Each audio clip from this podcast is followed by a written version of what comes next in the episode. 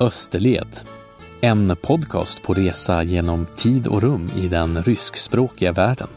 Idag till Choklovka och Nizjnij Tagil tillsammans med eh, Nikolaj Leskov, Valentin Katajev och John Scott. Поехали!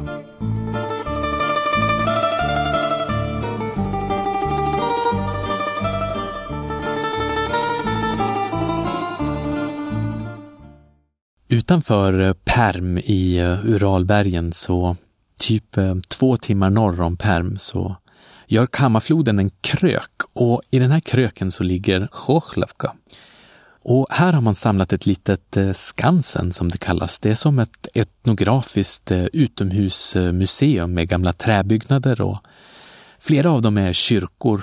Uppe på en kulle så står det eh, flera våningar höga träkyrkor med sådana här runda ryska lökopoler i trä. Det är lite myggigt här. Det är svalt och skönt och mulet och jag ska gå iväg för att eh, leta rätt på ett eh, gäng eh, byggnader från sibirisk 1800-talsindustri här. Här finns det just inga turister annat än jag själv, i alla fall hittills. Lite ödsligt och husen liksom, de är utspridda mellan olika kullar och det är ganska långt ifrån dem. Det är inte alls så tätt sammansatt som på Skansen just eller på i eh, Gamlia i Umeå, om det är någon som har varit där. Sånt här med industrihistoria gillar jag verkligen. På det här museet så har man samlat ett gäng industribyggnader och i ett eh, hörn av det här utomhusmuseet, en bit eh, promenad bort från kyrkorna och över en kulle ner mot vattnet vid floden, så ligger ett gäng ihopsamlade industribyggnader som jag alltså hittat mig fram till. Det här är ett ganska ovanligt ryskt eh, provinsiellt museum just eftersom att det finns skyltar som, här finns det en skylt som är på engelska. Ska inte vara riktigt så dryg, men för 10-15 år sedan så fanns det knappast engelska skyltar någonstans, ens i Moskva. Men det kommer mer och mer. Eh, det är kul. Här kan man läsa sig till att eh, de här stora träbyggnaderna som är framför mig, som har märkliga former och ramper och eh, en av dem ser ut som en träkub som man har stuckit ner i marken så att den sticker upp med några av hörnen och, och, och pyramid liksom uppåt med en skorsten. Jag har just läst mig till att den här märkliga träbyggnaden har använts för saltutvinning. Jag älskar verkligen sånt här med gamla bruksmuseer och industrihistoriska byggnader och hur blir man intresserad av gammal industrihistoria? För min del så var det i alla fall att jag började läsa ekonomisk historia. Lustigt nog så började jag med det just utan att veta vad det egentligen innebar, vad ämnet var för någonting. Det är ett eget ämne som man kan läsa på universitetet. Hans Jörgensen hette min lärare och sedermera kollega i Umeå som hade en halvterminskurs i kalla krigets ekonomiska historia. Och det här var fullkomligt hänförande för mig. Jag blev helt såld. Man kunde väva liksom världshistorien på en ekonomisk stomme av hur eh, ekonomisk aktivitet hade organiserats olika i olika tider. Vi lärde oss i den här kursen hur sovjetisk ekonomi fungerade, vilket ju är en lite udda introduktion till hur ekonomi fungerar, i alla fall nu för tiden, eh, tack och lov. Men det här med hur ekonomiska förhållanden har varit drivande och, och, definierande för historiska skeenden är evigt fascinerande för mig. Det har liksom aldrig släppt.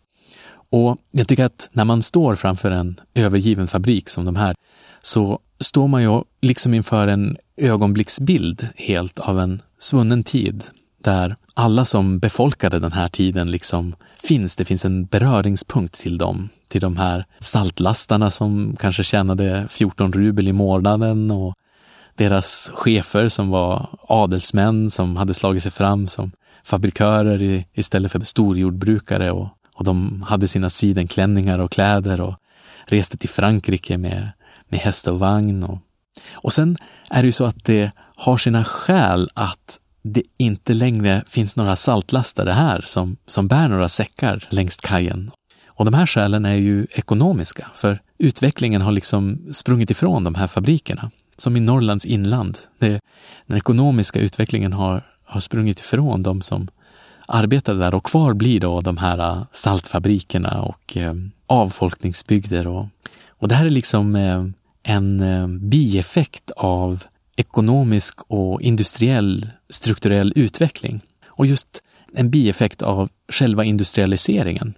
För vi människor har ju inte alltid levat i industriella samhällen. Det är faktiskt, om man ser historiskt sett, ett väldigt nytt fenomen. Det finns en ekonomisk historiker som heter Didi McCloskey som har kallat det the, the hockey stick effect, nämligen att vi har varit ungefär lika rika i 40 000 år som ju är ändå ganska länge, men under de senaste 300 åren av industrialisering bara så har vi åstadkommit en fantastisk omstöpning av vår ekonomi och blivit nästan 15 gånger rikare än vi var på 1700-talet.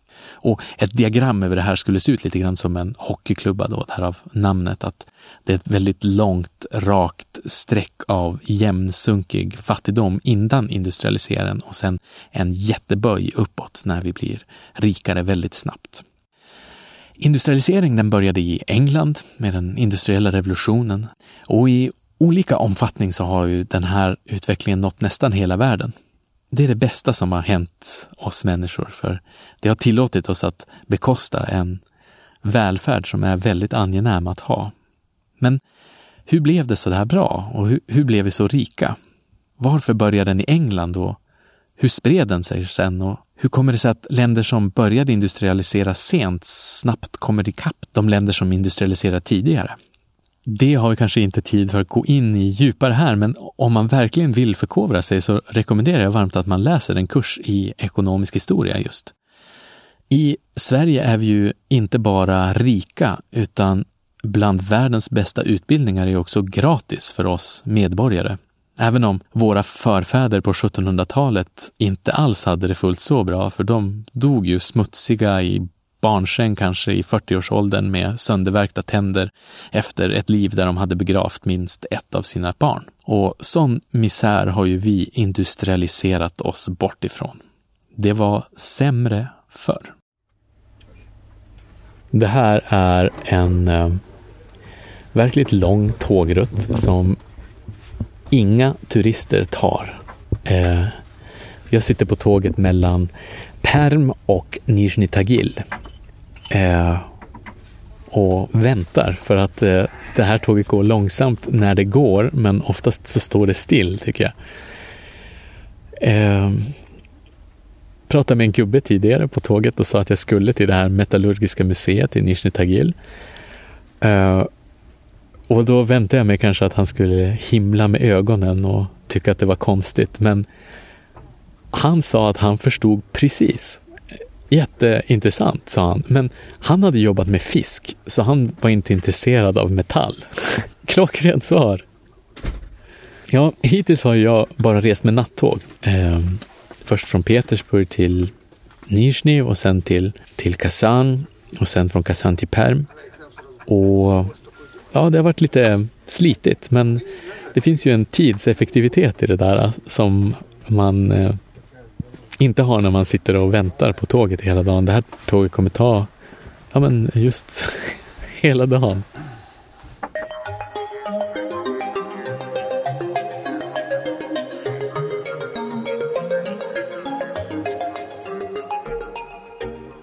Ryssland är ju ett land som ligger i Europas utkanter. Och Ryssland är extremt stort man måste verkligen sitta på tågen i långa dagar och nätter för att känna hur stort det här landet är. Man ser ju på kartan att det är det, men det är någonting annat som kommer till en av insikten i hur stort Ryssland är när man faktiskt försöker ta sig över Ryssland landvägen. Det här var ett problem för deras industrialisering och industristrukturen. Det är jobbigt med transporter i ett land som är för stort nämligen. Den här regionen som jag ska till nu i Oral den låg ju till och med i Rysslands utkanter. Inte bara i Europas utkanter utan i Rysslands utkanter, eller i alla fall långt från Moskva. Eh, även på 1700-talet hade ju Ryssland nått ända till Stilla havet. Jekaterinburg som är Rysslands tredje största stad och en ekonomisk hubb, den grundades här som ett järnbruk på 1700-talets början. Och vid 1700-talets slut så reste sig fabriksskorstenarna högt här i regionen. 1833 så kördes Rysslands första ånglok med järnmalm från ett dagbrott till floden där man hade byggt en damm redan på 1700-talet för att använda som vattenkraft vid järnframställning och det här var just i Nizjnij Tagil som ligger norr om Jekaterinburg. Det är en speciell kombination av tillgång till vattendrag för drivkraft och extremt bra järnmalm som gjorde att järnindustri kunde utvecklas. Mycket av den här verksamheten ägdes också i Ural av en och samma flådiga industrifamilj. Jag återkommer till dem senare. På 1900-talet så fick Uralbergen ett nytt industriellt uppsving på grund av Stalins lokaliseringspolitik. För Sovjetunionen ville nämligen flytta industri och bygga den säkert från världskrigets fronter i Europa. Så därför industrialiserade man i Ural och byggde Magnetogorsk som är en stad som är full av smältverk. Och hit till den här staden, eh, Magnetogorsk, så flyttade en amerikansk författare sedermera, men då var han eh, järnarbetare. Och det här har han skrivit en biografi om, eh, över hur det var att arbeta där. Riktigt jävligt kan man sammanfatta det, men det är en väldigt fascinerande skildring över stalinismen och Sovjetunionens industrialiseringsprojekt från en mänsklig synvinkel. Eh, under världskriget så snabbförflyttade man produktion till Uralbergen för att komma undan Nazityskland som invaderade halva europeiska Ryssland. På Jeltsin-centret i Jekaterinburg så såg jag en propagandaaffisch från kommunisttiden om just det här. Och på den här affischen så var Ural framställt som ett jättestort sånt här ämbar med flytande metall som hälldes ut över luften i Europa och blev till bomber som landade på fienden. Så det är talande för den roll som Ural hade under andra världskriget i Ryssland. Det var här som man utvann järnet och resurserna för att slå tillbaka de invaderande fascisterna. Och efter kriget, när man hade vunnit, så var ju fabrikerna redan byggda och då blev industrierna kvar här. Det går lång historia i järnhanteringen i Ural. Både i Jekaterinburg och Nizjnij Tagil så byggde man alltså på en lång industritradition. Båda de här städerna blev ju till för att de var eh, järnbruk. Jekaterinburg har ju vuxit till en jättestad, men Nizjnij Tagil är fortfarande någorlunda litet. Och det här museet kring det metallurgiska museet i Nizjnij Tagil, det är faktiskt någonting som jag har spanat in sedan länge. Jag har velat komma till det här stället i flera år och nu har jag rest hit enkom för det.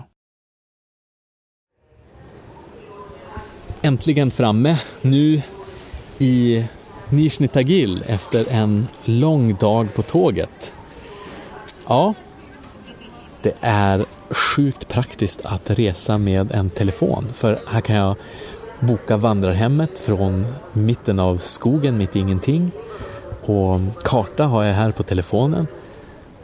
Det ska gå rakt ut från stationen och sen göra vänster och sen ta till höger när jag ser vatten. Och eh, jag är framme vid vandrarhemmet om 21 minuter.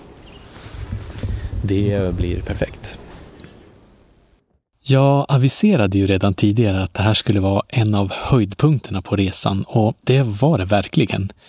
Mest för att eh, museet faktiskt var stängt. Så det här hade kunnat bli ett verkligt antiklimax.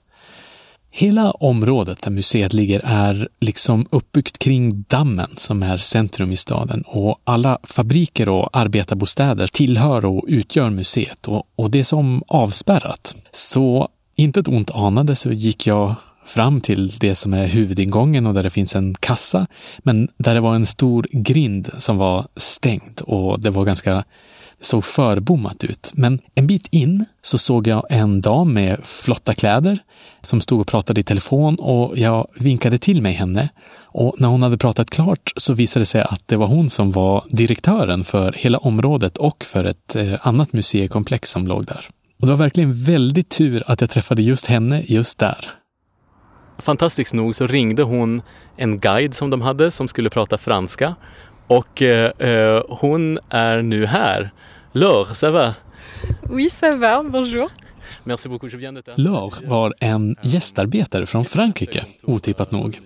Och hon delade inte bara mitt stora intresse för industrihistoria, men hon hade ägnat de senaste tre månaderna åt att djupstudera och guida folk kring just det här museet, där hon hade en praktikplats över sommaren. Parce que je suis intéressée par le patrimoine industriel, euh, bah justement, je suis curieuse de savoir comment fonctionnaient les choses et euh, justement comment... Lo berättar här att hon är nyfiken och intresserad och hon var ju också slavofil, precis som jag, och pratade också bättre ryska än jag gör. Och vi gick runt den här dammen tillsammans och såg vallgraven av tillbyggnader som skett så att århundraden av industriarkitektur liksom var byggda på varandra.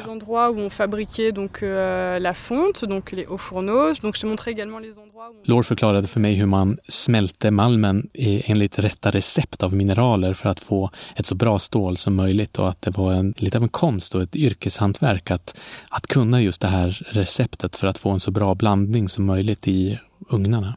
Det som var väldigt slående när vi gick omkring där var hur viktigt det var var de olika byggnaderna hade placerats i förhållande till deras funktion och i förhållande till drivkraften från dammen eller från turbinerna som man senare använde för att producera elektricitet. En fantastisk sak som jag lärde mig av Lars som jag inte visste, att det ryska ordet för fabrik, zavod, kommer från just za bakom vod, vattnet, bortom vattnet. Vattnet som drivkraft var helt enkelt så viktig för tidig industri att det gav namn åt ordet för fabrik. Här i Nizjnij så fortsatte man använda direkt vattenkraft långt in på 1900-talet, men Träkol eldade man för att smälta malmen och i skogarna runt om så fanns det en hel infrastruktur för att förse fabriken med kol. I ett dagbrott som låg hyfsat nära så utvann man malm som transporterades med häst och, och sen från 1830-talet då med en liten järnväg som hade en avskältningsplats just ovanför de här enorma ugnarna dit jag och Lö kunde gå in och titta på rostiga gamla reglage och ställningarna genom vilka kolet föll uppifrån avskältningsplatsen ner i, i ugnarna. Vi tog oss eh, ut på en igenvuxen uppställningsplats för gamla eh, maskiner, gamla enorma hammare och tänger och hjulverk och lastbilstora ändbar på räls som var avställda bara ute på en äng som sen hade blivit lite av en begynnande skog. Så de här stora rostiga grejerna var liksom bland eh, små träddungar. Så det kändes verkligen som att vara på upptäcktsfärd.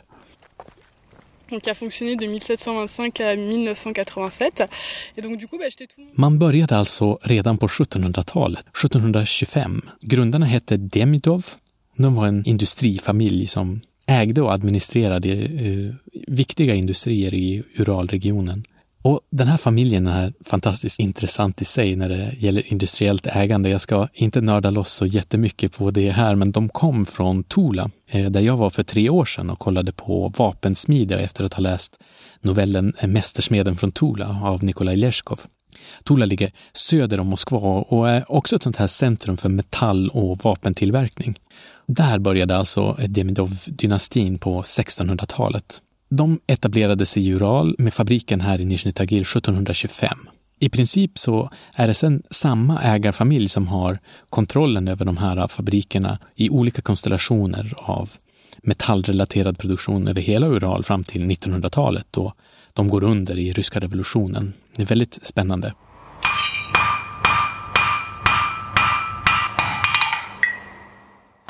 Kvaliteten på malmen och på slutprodukten har varit genomgående utsökt genom århundradena.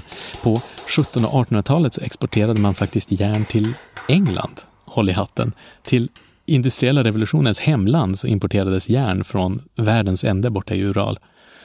Den här industriella relationen mellan Ryssland och England är egentligen motsatsen till ett maktförhållande som utvecklade sig och blev utmärkande under 1800-talet då Ryssland halkade mer och mer efter det industrialiserande väst.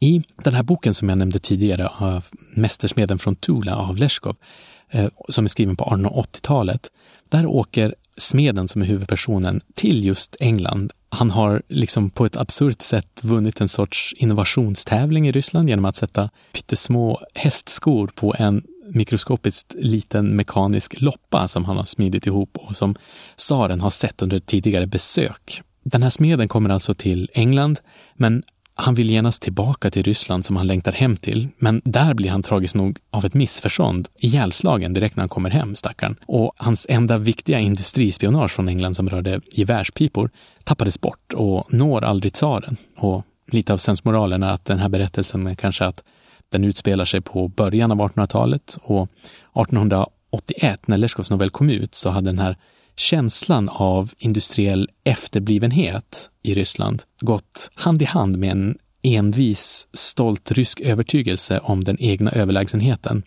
Vi ryssar har lämnats efter och varit i utkanten, men vi har ändå något eget och bättre och vi ska allt visa er. Поворот раската на 90 градусов осуществляют при помощи кантователей. Nå, efter många entusiastiska timmar som barn i en godisaffär så uh, satt jag och Lor och pratade på kullarna ovanför sjön eh, med en utsikt över 2000-talets eh, smältverk och bandvagnsfabriker, för det är det som kännetecknar Nizjnij Tagils eh, industriinfrastruktur idag. Det var verkligen en mycket utmärkt dag och jag är oändligt tacksam för att Lor råkade vara där och att hon tog sig tid att guida mig runt. En fantastisk tur. Tack så jättemycket för guidningen. Merci beaucoup pour, pour, pour me guider. Ah bah de rien, c'était vraiment un plaisir et euh, je suis vraiment très contente de, de t'avoir rencontré, d'avoir fait la visite euh, de tout ça. Moi également, jag också. Tusen tack. Så jag tog avsked från Lår med min anteckningsbok fylld av anteckningar för att göra det här avsnittet. Huvuddelen av den här podcasten är ju som ni märkt kanske mycket mer förberedd än de delar som jag spelar in på plats. Ibland så hinner jag inte få upp mikrofonen heller när det händer någonting som är, värt. På en pojkes nationalistiska sweatshirt eh, som hade den ryska örnen på sig och den ryska flaggan. Och jag såg det här häromdagen på tåget. Så stod det på engelska Russia, the best is yet to come. Verklig framtidsoptimism. Den här känslan av att Ryssland ligger efter det industrialiserade väst dröjer sig ändå kvar och optimismen om att man kan och vill och kommer att komma ikapp och bli bättre verkar också som seglivat. Men ironiskt nog så var känslan av åstadkommande och framåtskridande kanske starkast under kommunisttiden. För det var mycket tack vare att man byggde ett nytt samhälle med under ett nya ideal, inte bara socialt utan rent bokstavligt i en explosionsartad snabb industrialisering som kommunisterna ju genomförde. Och genom den kommunistiska industrialiseringen så skulle Ryssland äntligen komma ikapp, var det tänkt. Och i början så såg det ju verkligen rätt bra ut. En lite mer eh, perifer, ska vi kalla det, sovjetisk författare, Valentin Katajev, skriver om det här.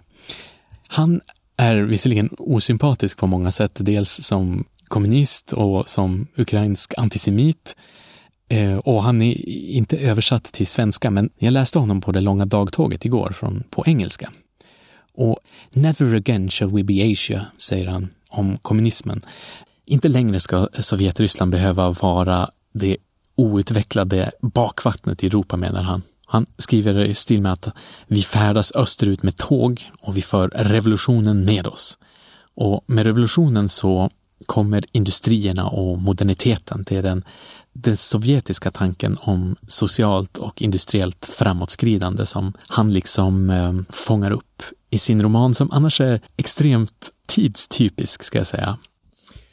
I Nizjnij Tagil så industrialiserade man ju på 1700 och 1800-talet redan, men eh, trots det så var industrialiseringen i Ryssland före kommunisttiden ganska seg. Det var Sovjetunionen som verkligen tryckte gasen i botten på den ryska industrialiseringen.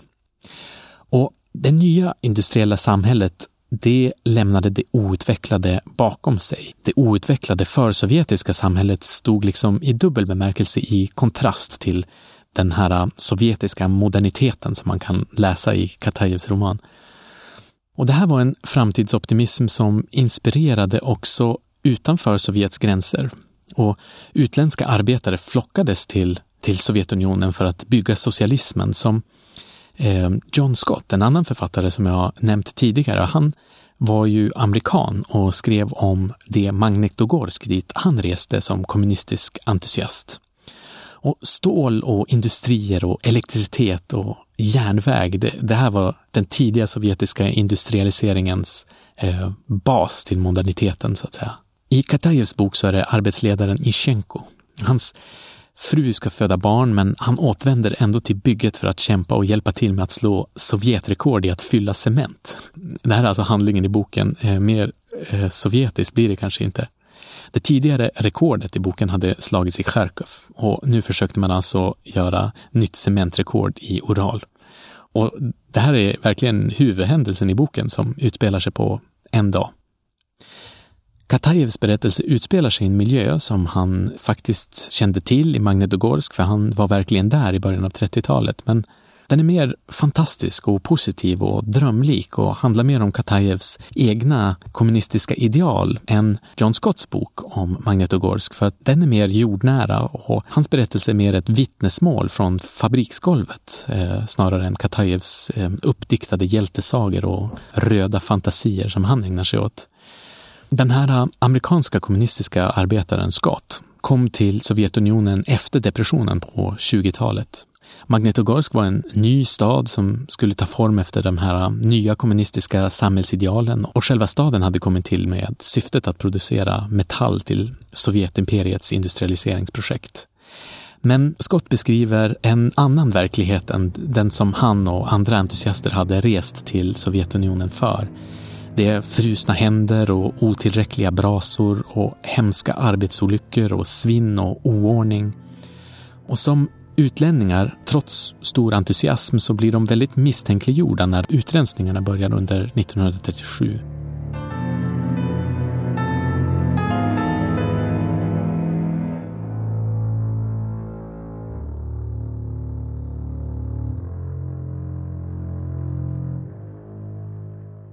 Som utlänningar, trots att de hade varit entusiastiska inför det kommunistiska samhällsbygget, så blev de väldigt misstänkliggjorda när utrensningarna började under 30-talet. Framåt slutet av 30-talet så blev det läge för Scott och hans fru att fly från arbetarnas paradis. Att han hade behållit sitt pass från USA och att Sovjetunionen och USA blev allierade i andra världskriget och också att han hade ren tur gjorde att Scott och hans fru till sist kunde lämna Sovjetunionen 1942.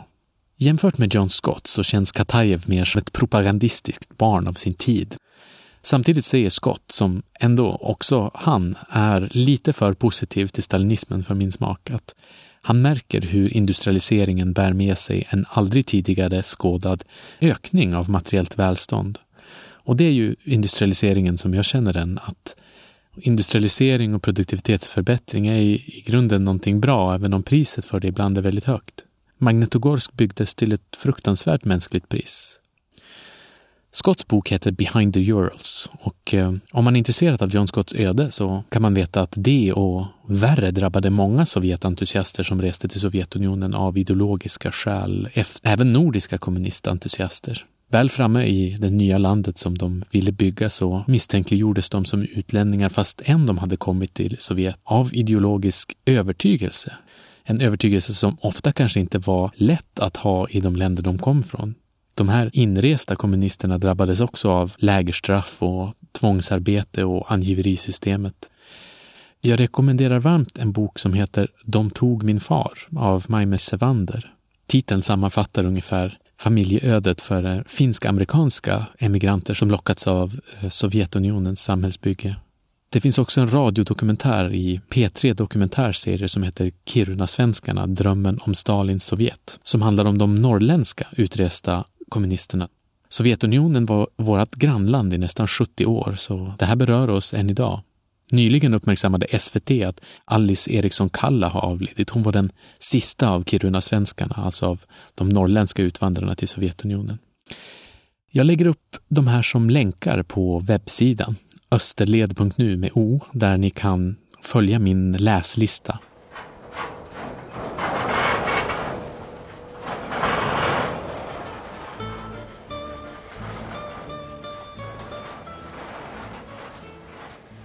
Här tar nu det sjunde avsnittet slut. Jag fortsätter sedan söderut mot eh, Jekaterinburg. Efter det kunde resan ha gått mot Magnitogorsk och Kazakstan och sen till Semri där Sovjetunionen testade sina atomvapen. Men i år så har jag valt en annan resrutt. Jag har varit i Kazakstan förut, men tyvärr bara i de södra delarna och då gick jag i berg där och det är faktiskt det som jag ska prioritera den här resan i Ryssland nu också. Målet är nämligen att ta sig till Altaibergen och jag har valt att fotvandra i Altaibergen på den ryska sidan istället för på den kazakiska. Så efter Jekaterinburg fortsätter jag österut i Ryssland längs Transsibiriska järnvägen in i Sibirien och först mot Tobolsk. Men det blir i nästa avsnitt. Спасибо за внимание och пока tills dess.